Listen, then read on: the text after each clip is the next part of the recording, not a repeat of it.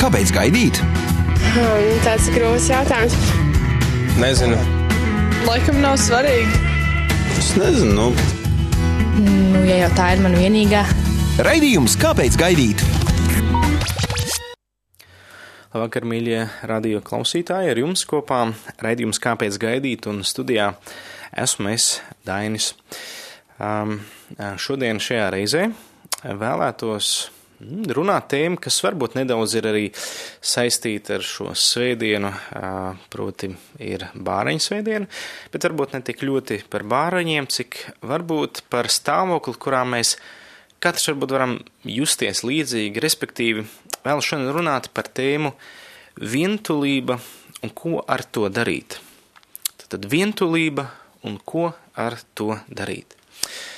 Mēs varam justies vientuļi, mm, katrs mm, savā dzīvē, uh, un bieži vien nes, nespējot uh, varbūt ap, apjaust vientulības stāvokli, redzēt, uh, mēs varam tajā iestrēgt. Mēs varbūt nemākam iziet no tā ārā, un, un mums liekas, ka varbūt ka, nu, tas ir tā ir paredzēts, tā ir labi. Bet nedaudz šodien vēlētos par, parunāt, pārdomāt par vientulību un ko arī, kāds ir risinājums un ko varbūt arī divu vārds un ko Dievs dara tiem, kas jūtas vientuļi. Tātad vientulība. Kas ir vientulība? Nu, mēs varētu to no, noraksturot kā tādu nu, kompleksu, tādu daudzšķaitņainu un parasti nepatīkamu reakciju uz izolāciju no citiem. Tātad tā ir tāda emocija, nu, kas ir, kurai raksturīta tāda trauksmaina sajūta, ko izraisīs vai nu attiecību vai komunikācija trūkums ar citiem cilvēkiem vai nu tagad, vai skatoties, nā, skatoties nākotnē, tad pārņem tāda vientulības trauksmaina sajūta, kas izriet no tā, ka vai nu attiecības ir pārtraukušas, vai komunikācija, vai vienkārši nav attiecību un nav komunikācijas. Un šo sajūtu mēs varam piedzīvot, un arī to var piedzīvot, arī esot starp cilvēkiem. Um, un Un varbūt ļoti daudz dažādu iemeslu, kāpēc mēs kādreiz varam justies vientuļi. Tie var būt sociāli, mentāli, emocionāli, fiziski un garīgi. Un nedaudz paskatīsimies uz vairākiem šiem iemesliem. Un, un ja tu cīnies kādreiz ar šo vientulību, varbūt klausoties šajā raidījumā, mēģini saprast, kas attiecās uz tevi un kā no un klausies arī, kā varbūt no šī stāvokļa Dievs tevi grib izvest ārā. Citur arī vientulība ir pat aprakstīta kā tāda sociālā sāpe, kas nu, mūs mudina meklēt sociālu kontaktu. Tātad sāpe ir reakcija uz kaut ko, kas nav kārtībā. Tātad Dievs to ir ielicis, lai mūs pasargātu no kaut kā. Nu, piemēram, cilvēkam, kuram ir cilvēkiem, kuriem tāda, varētu teikt, slimība, ka viņi nejūt sāpes, un viņi var iedzīvoties ļoti daudzās vainās. Ja viņi nejūt, ka sāp zops, tas var iekaist, un, vai ka vēders sāp, vai, vai vienalga kas, un viņi var nomirt. Līdz ar to sā, tātad vientlība var būt tāda sāpe iekšēja, uz kur noteikti vajag reaģēt. Tai, tai nevajag ļauties, tai nevajag uh, Uh, nu, varbūt bieži vien kā mūsdienās saka, nu, uh, iet cauri uh, nu, ciešanām. Jā, mums ir kādreiz mēs ejam cauri ciešanām, bet, bet tas nozīmē, ka, ka nav izejas no ciešanām. Jo ciešanas, principā, nav normāls stāvoklis. Tas var būt uz laiku, bet lai šī sāpe tevi sauc ārā no tava stāvokļa. Ja, nevajag sadzīvot, ja sāp, tad jāiet pie ārsta. Ar to mēģināsim šodien, nu, varētu teikt, varbūt ārstēties no vientulības, jā. Mēs tā varētu teikt. Tad kas var izraisīt šo vientulības sajūtu, šo izolācijas sajūtu no citiem? Tātad tie var būt sociāli apstākļi. Nu, tīri vienkārši nav cilvēku apkārt, ar kuriem parunāties, nav cilvēku, ar kuri kur, kurus tu jūti, ka tevi mīl, kuri tevi saprot. Eh, tā kā viņi varbūt fiziski ir, bet viņi neiedziļinās tevi, un, un tevī var atnākt šī vientulības sajūta. Eh, tā var rasties varbūt jau sen bērnībā, kad eh, nav vecāki vai brāļi vai māsas, varbūt ir cilvēki, kas uzauguši vieni. Ģimenē viņi arī varētu justies vienmēr vientuļi, jo vienā brīdī teica, mamma nesaprot, un šī vientulības sajūta var sekot līdz visu savu dzīvi, un cilvēks var kļūt tāds vienpatis līdz galam arī, nu, nejūtot varbūt ar laiku pat vajadzību pēc citiem, mm, bet tas nenozīmē, ka tas ir normāli, bet, bet līdz ar to vientulības sajūta nevienmēr, jo ir atšķirības starp būšanu vienam un vientulību. Um, to mēs nedaudz arī vēlāk runāsim, kāda ir tā atšķirība.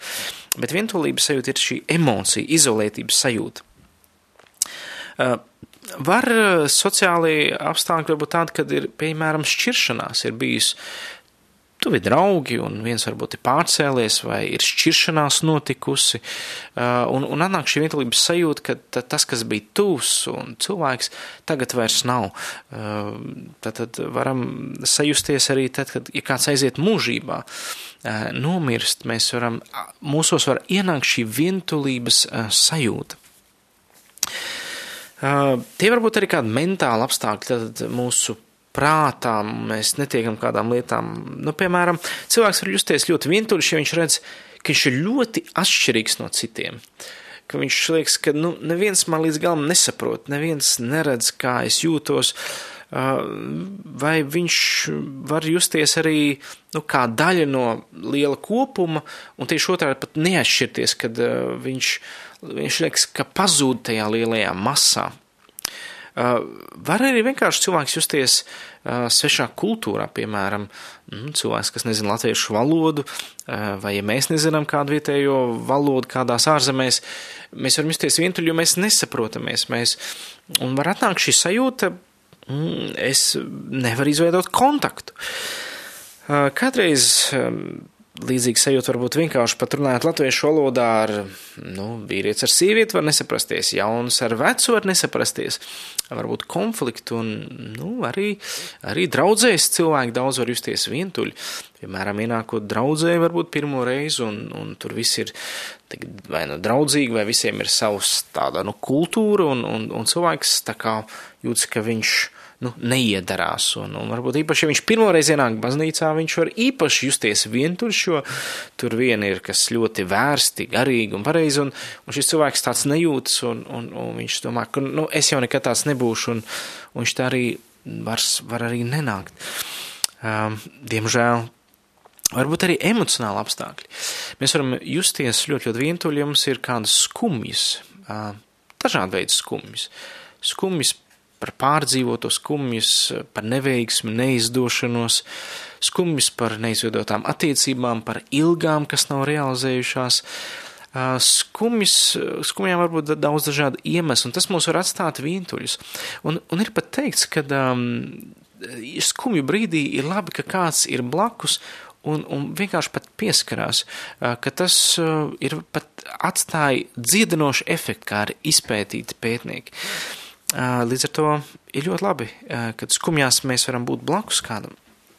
Mēs varam justies arī ļoti vientuļi dēļ kauna.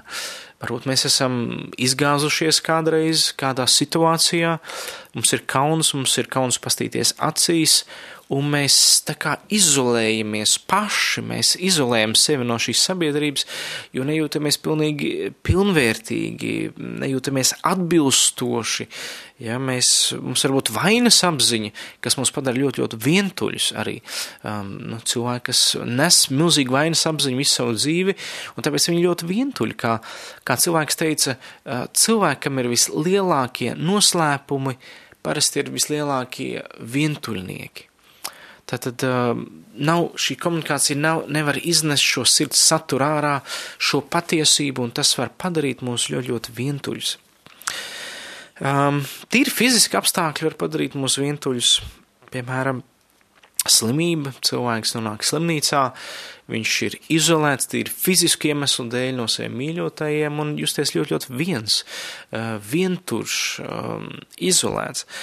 Uh, varbūt arī tā saucamā kliniskā depresija, ka tie ir fizioloģisku iemeslu dēļ smadzenēs neizdalās kādas vielas, un cilvēks var justies kā viens pats un nespēja veidot kontaktu. Um, Varbūt arī tīri fizisks attālums, piemēram, aizbraukšana ārzemēs, arī uh, prom no ģimenes, pārcelšanās uz citu dzīves vietu, arī mums var atnest šo vintulības sajūtu. Um, varbūt ieslodzījums, cilvēki, kas ir ieslodzījumā, var piedzīvot šo vintulības sajūtu. Cilvēki, kas um, jā, ir varbūt nav blakus, var justies vientuļi. Ar to vientulība nav, nenozīmē, ka ir um, uh, pozitīva sajūta. Uh, tā var būt ļoti, ļoti negatīva un pat ļoti, ļoti graujoša. Nedaudz paskatīsimies arī par to nedaudz vēlāk, kāda sastāja iespēja tīri uz fizioloģisko ietekmi. Tātad vientulība un ko ar to darīt? Tātad ir šie sociālie, mentālie, emocionālie, fiziskie apstākļi. Bet arī vientulībai var būt arī uh, garīgi iemesli, kāpēc man, mēs varam justies ļoti, ļoti vientuļi.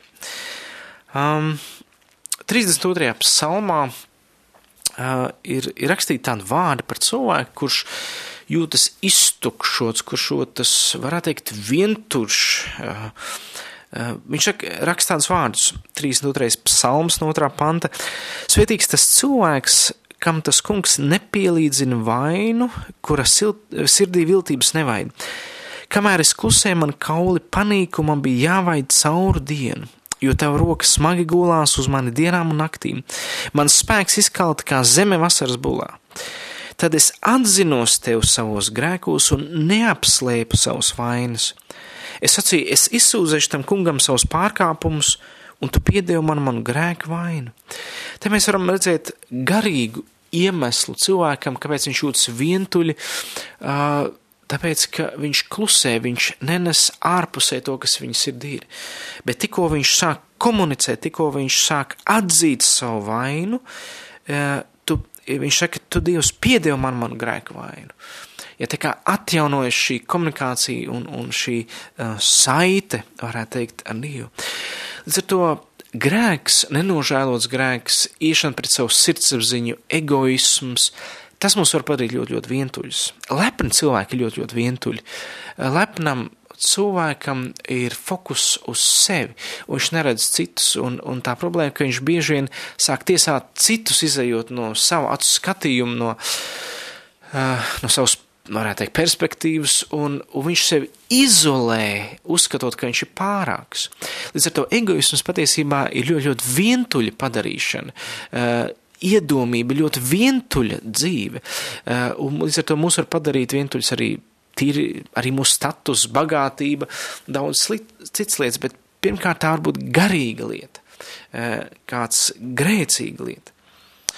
Um, Interesanti, ka Bībele runā arī par grēka sekām, kas var būt um, pauģu paudzēs, un ir pat pētījumi, kas runā, kad, kad uh, mm, tas man jāpārbauda, bet es nesen lasīju, kad, kad arī ģe, ģenealoģiski gēnos var uh, šī vientulība kaut kādā veidā pat pārmantoties. Un kā viņi var pārmantoties? Hm. Interesanti, kad uh, vecajā derībā, ja mēs vērojam taisnību un bauslību un svētību lāstu atkarībā no manas paklausības Dieva bauslībai, tad tur bija teikts, kad, kad ir kādas sekas, kas desmit paudzēs ietekmē ieiešanu tā kunga draudzē. Tātad ieiešanu Dieva, Dieva tautā. 5. mūs 23. trešais pants ir rakstīts, neviens, kas ārlaulībā dzimis, lai nenāk tā kunga draudzē, pat arī viņa desmitā paudze, lai nenāk tā kunga draudzē. Tad iedomāsimies cilvēks, kas ir ieņemts ārpus laulības, ārpus dieva paredzētās derības. Iespējams, ka viņš var justies vientuļš tikai tāpēc, ka varbūt viņš ir ieņemts ārpus laulības un piedzims ārpus laulības īpaši arī ieņemšana jau ir ārpus laulības. Un mums ir varbūt grūti saprast šīs garīgās lietas, eh, bet, ja ir garīgie likumi un ir, Dievs ir, ir iestādījis, radītājs ir paredzējis, ka bērns eh, ir tiek ieņemts laulības derībā, kurā ir svētības starp, eh, jeb vienotības starp vīrieti un sievieti, tad tad šajā gadījumā varbūt, ka cilvēka gars, varētu teikt, tā reaģē, un, un mūsdienās ir pētījumi par, par to, ka mūsu smadzenēs arī ir tāda daļiņa, ko sauc par mandeli, kas uztver visu informāciju, kas ir līdz pusotra gadam ieprogrammējis bērnā. Bērnu, varētu teikt, zemapziņas stāvoklī, un tā vienkārši tur ir un, un veido daļu no viņa personības. Līdz ar to ir daudz, daudz varētu būt minējumi, kad bērns jau daudz ko sevī, sevī ieprogrammē, uzņem jau esot mācības miesās.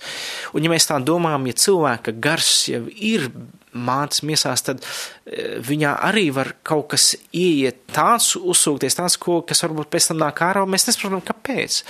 Līdz ar to varbūt ir vērts e, domāt un nest varbūt Dievu priekšā arī neapzināt vientulību, ka nezinu, kāpēc es jūtos vientuļš. Varbūt tieši tāpēc, kad es, mans dzīves sākums ir noticis vispār ārpus Dieva paredzētiem sveitības rāmjiem. Uh, Līdz ar to tā ir garīga lieta, ko var atrasināt tikai caur garīgu instrumentu, caur lūkšanu, nāk, nākšanu pie Jēzus Kristus, kas uzkļūst par lāstu mūsu vietā, lai mēs būtu brīvi no lāsta.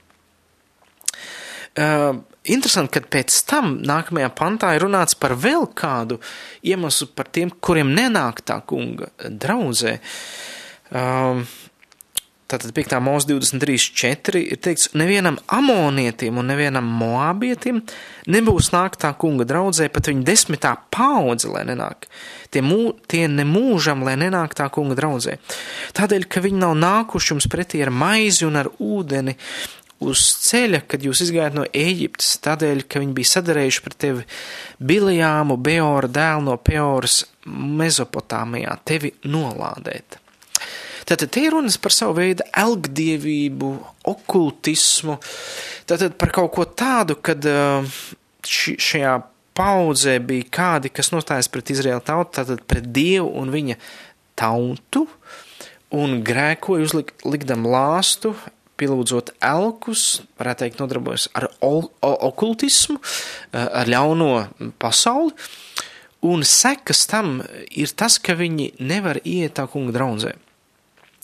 Tad mēs dzīvojam jaunajā derībā, kad caur Kristu mēs varam uh, ieiet žēlastībā, bet, bet iespējams varbūt, ka mēs varam būt, ir, ja mēs skatāmies nu, tā racionāli, mēs redzam ģimenes, mēs redzam dzimtas, kas liekas dzīvo izolētībā, kas lie, liekas tāda sajūta, ka viņos nav kontakta ar ārpasauli, ka viņi tā kā ir savā tādā nesaprotamā pasaulē dzīvo tādi, eh, citi saka, tāds neavainojoties, bet tāds, saka, meža dīvainīši.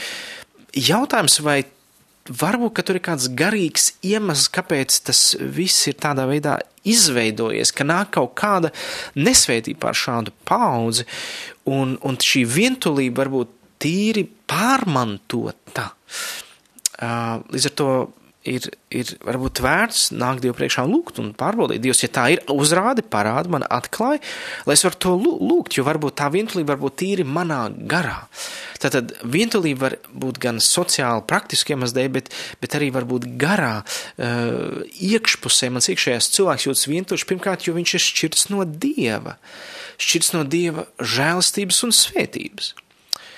Un, un tieši tāpēc uh, mēs varam dzīvot tādā vientulībā, neapzinoties, ka tas ir, tam ir varbūt pat garīgs iemesls. Mēs varam uh, varbūt arī dzīvot jau pieauguši cilvēki, bet joprojām jūs, justies kā bāreņi. Tad ar nespēju izveidot kontaktu ar cilvēkiem, piesaisti pie cilvēkiem, nespējot būt, uh, iejusties kompānijā, sadraudzībā, Citi ātri to norakstīt uz introvertu, bet tas nenozīmē, ka uzreiz to vajag novērst uz introvertiem, jo introverti arī visu laiku komunicē. Tikai viena atšķirība - viņi komunicē savā prātā. viņi bieži vien runājās cilvēkiem tikai savā domu pasaulē. Bet, bet ir cilvēki kuri nespēja izveidot nekādu, nekādu kontaktu.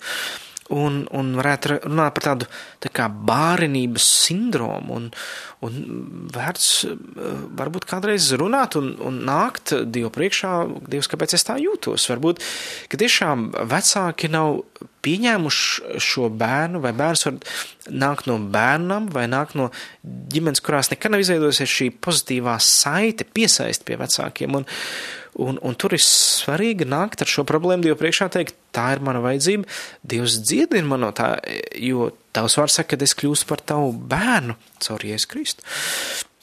Reizēm būt garīgs arī iemesls vientulībai tīri, uh, nu, teiksim tā, garīgu uzbrukumu vietā, teiksim, demonisku un sātanisku uzbrukumu vietā. Cilvēki var justies ļoti, ļoti vientuļi tādā vidē. Nu, piemēram, mēs pastamies uz Eliju, pravietis Eliju. Viņš izcīnīja milzīgu uzvaru pār uh, bālu praviešiem, un tad bija šī Jezebela, šī teiksim tā, es ticu, okultas, okultismu pilna sieviete, jo viņa bija no, no vispār nebija no Izraēla tautas, viņa pasludināja, ka es tevi atriepšos, un varētu teikt, Elija bēga projām un jutās kā vienīgais, kā vientuļš. Viņš saka, Dievs, es esmu vienīgais, kas palicis no visiem praviešiem, man grib nogalināt. Tātad mēs varam gūt milzīgs garīgs uzvars un, un piedzīvot milzīgu garīgu vientulību pēc tam. Uh, Līdz ar to tas var būt tīri arī garīgs iemesls, kur jāsaprot, tur jāstājas arī ar garīgiem līdzekļiem, pretī ar, ar patiesību, ar lūkšanu, ar, ar cīņu, ar dievu vārdu. Un kādreiz varbūt, kad vientulība var radīt arī mūsos dievs, lai mēs meklētu viņu tūmu. Varētu teikt tāds, varbūt tāds gandrīz tūkstoši periods, kurā prasās vairāk dzīvības. Un varbūt dievs pat tādā var mūs ievest. Piemēram, Īeps iegāja tā, tādā, kur Dievs strādāja pie viņa sirds, lai atklātu viņa iekšpusi, viņa iekšējo pasauli. Līdz ar to mēs ir būt dažādi iemesli vientulībai. Taču vientulībā es ticu, ka nav paredzēts palikt, jo vientulībai var būt negatīvs seks. Piemēram, ir izpētīts, tīri fizioloģiski, ka vientulība var novest ne tikai pie dažādām slimībām, bet arī pie dažādām pašnāvības domām, ka cilvēkā ienāk šī e, vēlme vienkārši mirt.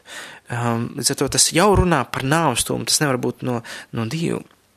Ir atrasta arī saikne starp vientulību un paaugstinātu risku piedzīvot sirdstrieku un saslimst ar sirds un asinsvadu slimībām ka arī vientulība uh, ilglaicīgi var ietekmēt arī uh, augstu asinsspiedienu, kā arī holesterīna līmeni un līdz ar to arī aptaukošanos.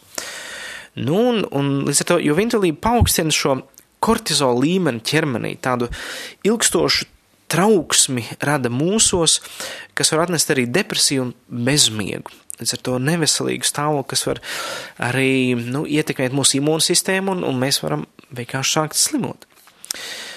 Tajā laikā arī uh, vientulība var atnest mūsos neveselīgu reakciju attiecībās ar cilvēkiem. Tā var atnest tādu dziļu skumjas un depresiju, nospiestību, kas var ietekmēt arī fizioloģiski mūsu smadzenes, uh, un, un, un izmainīt pat mūsu smadzenes uh, tādā, ka mēs ieejam tādā kastē, kurā, no kuras paši bieži vien netiekam ārā. Otrs, mēs varam atkal reaģēt ļoti dumpīgi, nepie, nepieņemot pieņemšanu no citiem cilvēkiem, mēs varam reaģēt, reaģēt dumpīgi, nepareizos veidos. Mēs varam pat censties iegūt mīlestību veidā, kādā nav paredzēts. Teiksim, cilvēki, kas ļoti, ļoti vientuļi, viņiem varbūt ir vēlme un tendence nu, iegūt mīlestību mākslīgā veidā. Nu, teiksim, meitenes var censties pārāk uzmācīgi iet visu, teiksim, puišiem vai puišu meitenēm, censties iegūt kaut kādu atzinību, vai var, var uzvilkt kādu masku, tātad uzvedību tādu, kas ir mākslīgi veidota, kas nav patiesa, lai censtos pie, pievērst sev uzmanību.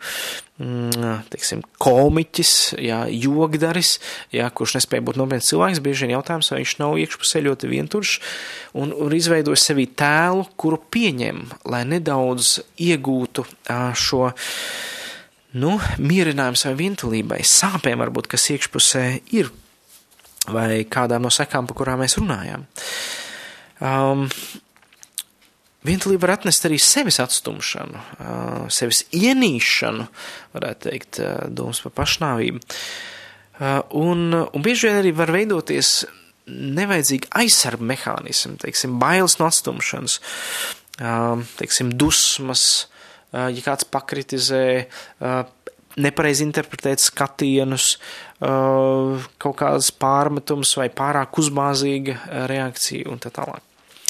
Taču ko darīt? Labi, mēs esam pārnājuši, kas ir vientulība, no kurienes viņa var rasties, kādas var būt sekas, ko darīt ar vientulību. Tad gribētu paskaidrot atšķirību, ka būt vienam un vientuļam ir divas dažādas lietas. Tātad es varu būt starp cilvēkiem, bet joprojām justies vientuļš. Tātad būt vienam ir tīri ārējs apstākļus. Es esmu viens, man apkārt nav neviena. Tas ir ārējs apstākļus. Taču vientulība ir iekšēja emocija. Es varu justies ne, nevienturš, arī esot viens. Tātad, piemēram, es šeit esmu, esot radio studijās, varētu teikt viens, bet es nejūtos vientuļš. Vai cilvēks var būt mežā dzīvot un nejusties vientuļš. Tātad, bet vientulība ir šī iekšējā emocija, šī trauksmainā emocija, izolētības emocija, kas var būt arī, ja tu esi starp daudziem cilvēkiem un neesi fiziski viens. Tātad būt vienam, vajadzēja saprast, tas nav nepareizi vai tas nav grēks. It kā mēs lasām Bībelē, nav labi būt vienam, bet tajā laikā Bībele mums parāda citu šķautni uz būšanu vienam. Piemēram, Pāvils, viņš arī varētu teikt, bija viens un nebija precējies, bet viņš nebija noteikti vientuļš, jo viņš saka, dzīvot man ir Kristus, mirt man tas ir iegūms, jo es būšu ar viņu. Tātad šī, viņš redzēja, ka viena no uzvarām vienatnē pār vientulību ir attiecības ar Dievu. Tad, tad uh, viņš Bībelē mums parāda, ka būt vienam nav kaut kas nepareizs vai slikts, bet ir atkarīgs, ko es savu vienatni daru, ko es daru savā vienatnē. Savā veidā vienatne var būt, ja dzīve vienam, var būt arī kā aicinājums. Uh, to mums parāda arī Pāvils, pats būdams dzīvojot viens, viņš raksta, ja esi saistījies ar sievu, nemeklē šķiršanos, ja esi bez sievas, nemeklē sīvu. 1. korintiešiem 7,27. Tātad, ja tu esi viens, tad viņš saka, pat nu, nemeklē sīvu. Tas nav jānozīmē, ka nav jāmeklē sīvu, bet tas nozīmē, ka, ka principā mēs varam kopā ar Dievu iztikt arī bez otra cilvēka. Bet, ja tu arī dodies laulībā, tas nav grēks, un, ja jau nav dodas laulībā, tā negrēko. Tādiem savus miesas bēdz gan būs, bet es jūs gribu saudzēt, saka Pāvils. Bet to brāļi saku, laiks ir īss, tādēļ turpmāk precētie, lai ir kā neprecēti, un kas raud kā tādi, kas neraud, un kas priecājas kā tādi, kas nepriecājas, un kas pērk kā tādi, kas to negrib paturēt, un kas šo pasauli lieto kā tādi, kas to nelieto, jo šīs pasaules kārtība paiet. Tad, tad uh, viņš principā aicina par attieksmi. Ja tu precēts, nu, uh, esi kā neprecēts ar domu, neieliec šo laulību par svarīgāko savā dzīvē. Ar domu, ka nedomā, ka laulība tev darīs laimīgu. Mācītais Maikls vēl savā laikā teica, Dievs mūs ieved laulībā nevis lai darītu laimīgu, bet lai mūs tieši otrādi darītu nelaimīgus, lai mēs savu laimi atrastu Dievā. Jo mēs varam no laulības padarīt elku, mēs no savu dzīves draugu varam padarīt elku, domājot, ka viņš ir tas, kas man darīs laimīgu. Bet Dievs mūs ir radījis, ka mēs pirmkārt esam laimīgi viņā, pazīstot savu radītāju, pazīstot viņu gribu un esot un dzīvojot šajā gribā. Kā ja es teicu, eh, mana maize ir darīt tā gribu, kas mani ir, ir sūtījis. Tātad, esot Dieva gribā, esot ar viņu un darot to, ko Dievs grib, tas mūs piepilda pirmkārt. Līdz ar to mēs varam būt precējušies ar cilvēku, kas nav, varbūt mums pat paredzēts, mēs sašu, pašu savu galvu esam iegājuši, un mēs jūtamies nelaimīgi, tāpēc, ka mēs neesam Dieva gribā. Tā var būt. Varbūt ir, ir es dzirdēju, ka ticīgs cilvēks saka, nē, neprecies, viņš ir neticīgs, to tev nebūs vienots pamats, uzmanies. Neklausās un iet laulībā un ir piedzīvo sekas. Līdz ar to tātad šajā pasaulē jādzīvo tā, it kā mēs šo pasauli pat nelietot, it kā šī nav mūsu svarīgākā vieta.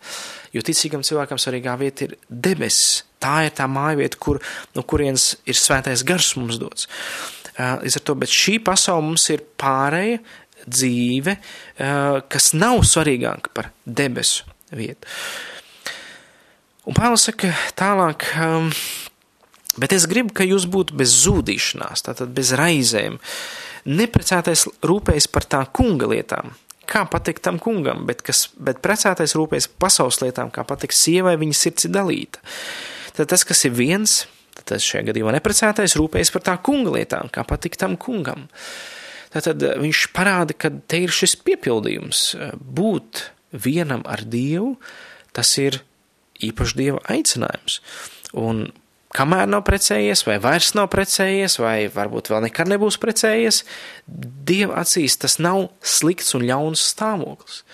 Jo laulība nav pašmērķis, arī tas ir aicinājums. Jo Pāvils teica, vienam ir tāda dāvana, otram ir tāda dāvana. Un abās dāvanās tas kungs tiek pagodināts. Bet katram jāsavalda sev ar savu ticības mēru. Un ar to vie, esot vienatnē, uzvarēt vientulību, viens no lietām ir apzināties, ka būt vienam nav slikti, ja tu esi ar to kungu. Tas ir normāli un pat svētīgi, ja tā ir Dieva griba. Um, līdz ar to vajadzētu arī saprast, ka pilnībā otrs cilvēks nevar tev nodrošināt to, kas tev vajadzīgs. Ko es ar to domāju? Jā, mums Kas tad mums ir vajadzīgs? Um, Nils Andersons savā materiālā Brīvība Kristū runā par trīs lietām, kas mums dēslē vajadzīgas. Tā ir pieņemšana, ka mēs esam pieņemti, kādi mēs esam. Otrais - drošība, ka mūsos ienāk miers, ka viss būs kārtībā, ka ir drošība ar mūsu stāvokli. Un trešais - novērtējums, ka mūsos ir vajadzība pēc novērtējuma, ka mēs saprotam, ka esam vērtīgi, ka no mums ir kāda jēga. Te viņš saka, neviens cilvēks nespēja tev garantēt simtprocentīgu pieņemšanu, simtprocentīgu drošību un simtprocentīgu novērtējumu. Ka to var iegūt tikai attiecībās ar Dievu. Un līdz ar to Dievam ir risinājums mūsu vientulībai, manai un tavai vientulībai. Psalms 68, 6 un līdz 7 pastāst, ko Dievs vēlas darīt ar vientuļiem cilvēkiem. Tur teikts, bāriņu tēvs un atraidņu aizstāvis ir Dievs savā svētajā mājoklī. Dievs vada viņu mājās vientuļos, vada tos, kam nemaz nav māju, izved gustītos brīvībā, bet atkritēji paliek tuksnesī. Tātad tev ir izvēle. Tu vari palikt savā vientulībā, savā sevis žēlošanā, sevis sa, savās cietoksnī, bez Dieva. Bet, ja tu esi ar Dievu, tad Dievs tevi grib izvest ārā no tavas vientulības un vest tevi mājās, kurus tu sauksi par savām dvēseles mājām, mājās, kurās jūties labi. Tā var būt ģimene, tās var būt kādas attiecības, tā var būt draudze, katram var būt savs bet Dievs saka, Dievs vada viņu mājās vientuļos. Tātad tavās mājās Dievs grib tevi vest, ja tu esi vientulībā. Viņš tev grib ievest dzīvē, kurā tu vairs nejūties vientuļš. Kā tas ir iespējams? Kā tas ir iespējams? Redz, Dievs viss ir izdarījis, lai tu nejustos vientuļš. Viņš ir pats nācis un kļuvis ļoti vientuļš šeit virs zemes lai tavu vientulību uzņemtu sevi un uh, pa visām reizēm tikt ar to galā. Dievs šo vientulību uzvarēja Jēzu Kristu, jo Jēzus, ka viņš bija pie krusta, viņš sauca, mans Dievs, mans Dievs, kāpēc tu mani esi atstājis? Vai tu kādreiz tā esi saucis? Kāpēc es esmu atstāts? Kāpēc es esmu viens? Tad zini, Jēzus to ir piedzīvojis. Un Jēzus grib paņemt uz sevi Viņš grib, lai tu atdod viņam savu vientulību. Viņš grib, lai tu atzīst, ka tev ir vientulība un ka tu saki, Dievs, es negribu vairs būt vientušs, es izvēlos atteikties no savas vientulības. Es atsakos staigāt un dzīvot savā vientulībā. Es atsakos šai emocijai vadīt manu dzīvi, jo, Jēzu, esi tu mans kungs un glāb mani no manas vientulības. Jēzus tika izslēgts, varētu teikt, no savas dievišķās, no savas tautas un no savas fiziskās ģimenes, lai tu tiktu pievienots viņa jaunajai ģimenei. Vēstulē Titam 2.14. Viņš, Kristus, sevi par mums nodevis, lai atpestītu mūs no visas netaisnības un šķīstītu sev par savas saimes, jeb savas ģimenes ļaudīm dedzīgiem labos darbos. Jēzus ir tavs atrisinājums vientulībai. Jēzus caur svēto garu vēlas mājot un būt tavs labākais draugs. Neviens tuvāk nevar būt kā Jēzus caur svēto garu. Neviens tevi tā nesapratīs, neviens tevi tā nepieņems, neviens tevi tā nenovērtēs kā Jēzus. Tu pilnībā vari būt pieņemts caur Jēzu. Bībelē teikts, vai jūs nezināt, ka jūsu miesa ir svētā gara mājoklis, kas ir jūsos, ko jūs esat saņēmuši no Dieva un ka jūs nepiedarat sev pašiem, jūs esat dārgi atpirkti. Tu vairs nepiedari sev, ja tu atdod savu dzīvi Jēzum. Tu esi vi, priekš viņa atpirkts, tu piedari viņam. Tu neesi vairs viens, nekad. Atsaucies un Jēzus tev pieņem. Otkārt, tu vari būt pilnībā drošīgā. Jo, ja es teicu, manas avis dzird man balsu, un es tās pazīstu, viņas man seko, es tām dodu mūžīgu dzīvību, un viņas ne mūžam neies bojā, un neviens tās neizraus no manas rokas. Mans tēvs, kas man tās ir devis, ir lielāks pār visiem, un neviens neko nevar izraut no tēva rokas. Tu dzirdi? Tu vari būt pilnībā drošībā ar Jēzu. Tēvs tevi turēs savās rokās. Un trešais, tu vari būt pilnībā, pilnībā novērtēts caur Kristu, jo caur Kristu tevī ienāk jauna dzīves jēga. Efeziešiem 20, jo mēs esam viņa darbs, Kristu Jēzu radīti labiem darbiem, kurus Dievs iepriekš sagatavojas, lai mēs tajos dzīvotu. Jo tu domā, ka tavai dzīvē nav jēgas, tie ir meli, un tev no šiem meliem ir jāatsakās, ja tu gribi piedzīvot dzīves jēgu. Tāpēc, ka Dieva vārds saka, tu esi viņa darbs, Jēzu Kristu, tu esi radīts labiem darbiem, kuros tev būs dzīvot. Tu esi pazaudējis attiecības, tu esi pazaudējis tos cilvēkus. Tas ir sāpīgi, atnes vientulības sajūtu, bet tas nav viss. Dievam pieder pēdējais vārds. Uztic šo sāpju viņam. Līdz ar to, kā tu vari būt dziedināts no savas vientulības, atzīsti to un ļauj Dievam parādīt, no kurienes tas ienāca, kas ir šī sekne, no kurienes tas ir radās. Mēs par to runājam. Piedod tiem, kas tevi sāpinājuši, piedod tiem, kas tevi ir atstājuši, atdod to Dievam. Izvēlēties sastapties savu vientulību un paskatīties savam bailēm acīs un savam sāpēm acīs. Un pateikt, Dievs, man visvairāk sāp šis, un man visvairāk ir bail no šī, bet es tev uzticos un atdodu to tev. Ļauj, lai Dievs ir kungs pār tavām sajūtām. Ļauj, lai Viņš tev atklāja savu raksturu, un esi gatavs atzīt, ka tas, ko tu domā par Dievu, tavs sajūtas, ka viņš tev atstājas, viņš tev nemīl, ka tās ir melīgas un tev no viņām jāatskās kā no meliem. Jo mēs tikko lasījām Dievu vārdu, kas saka, kā ir. Ar to maini domāšanu, nepaļaujies par savām sajūtām, bet uz to, kas stāv rakstīts, un lūdzu, lai Dievs tev atklāj un dara dzīvu šo patiesības ar svēto garu.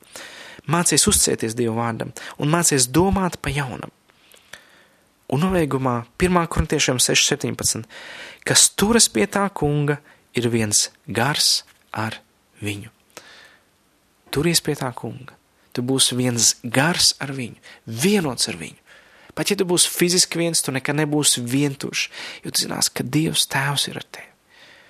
Un es lūdzu, lai Dievs nāk tavā sirdī, dziedinot tavas vientulības, atjauno tevi, piepildot ar svēto garu, ļauj viņa garam tevi piepildīt piepildīt ar mīlestību, kas var nākt tikai no viņas sirds. Un satver to, turies pie tā, un ej un ļauj Dievam ievest tev attiecībās, vai nu draudzē, vai ar cilvēkiem, bet nepaliec viens. Veido kontakts, veido sarunas, atklājies, uzticies Dievam, viņš tev pasargās un neļaus tev krit, krist kaunā.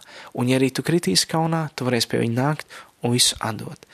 Lai Dievs tev svētī. Šis bija raidījums, kāpēc gaidīt un saku, kāpēc gaidīt, ja ir Dievs, nāc pie viņa un ļauj viņam piepildīt savu sirdi ar mīlestību.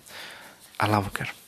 Šis bija raidījums Kāpēc gaidīt? Klausies to katru otrdienu, pulksten 18,5 minūtēs Latvijas kristīgā radio ēterā vai arī jebkurā tevērtā laikā internetā www.īsta mīlestība gaida LV.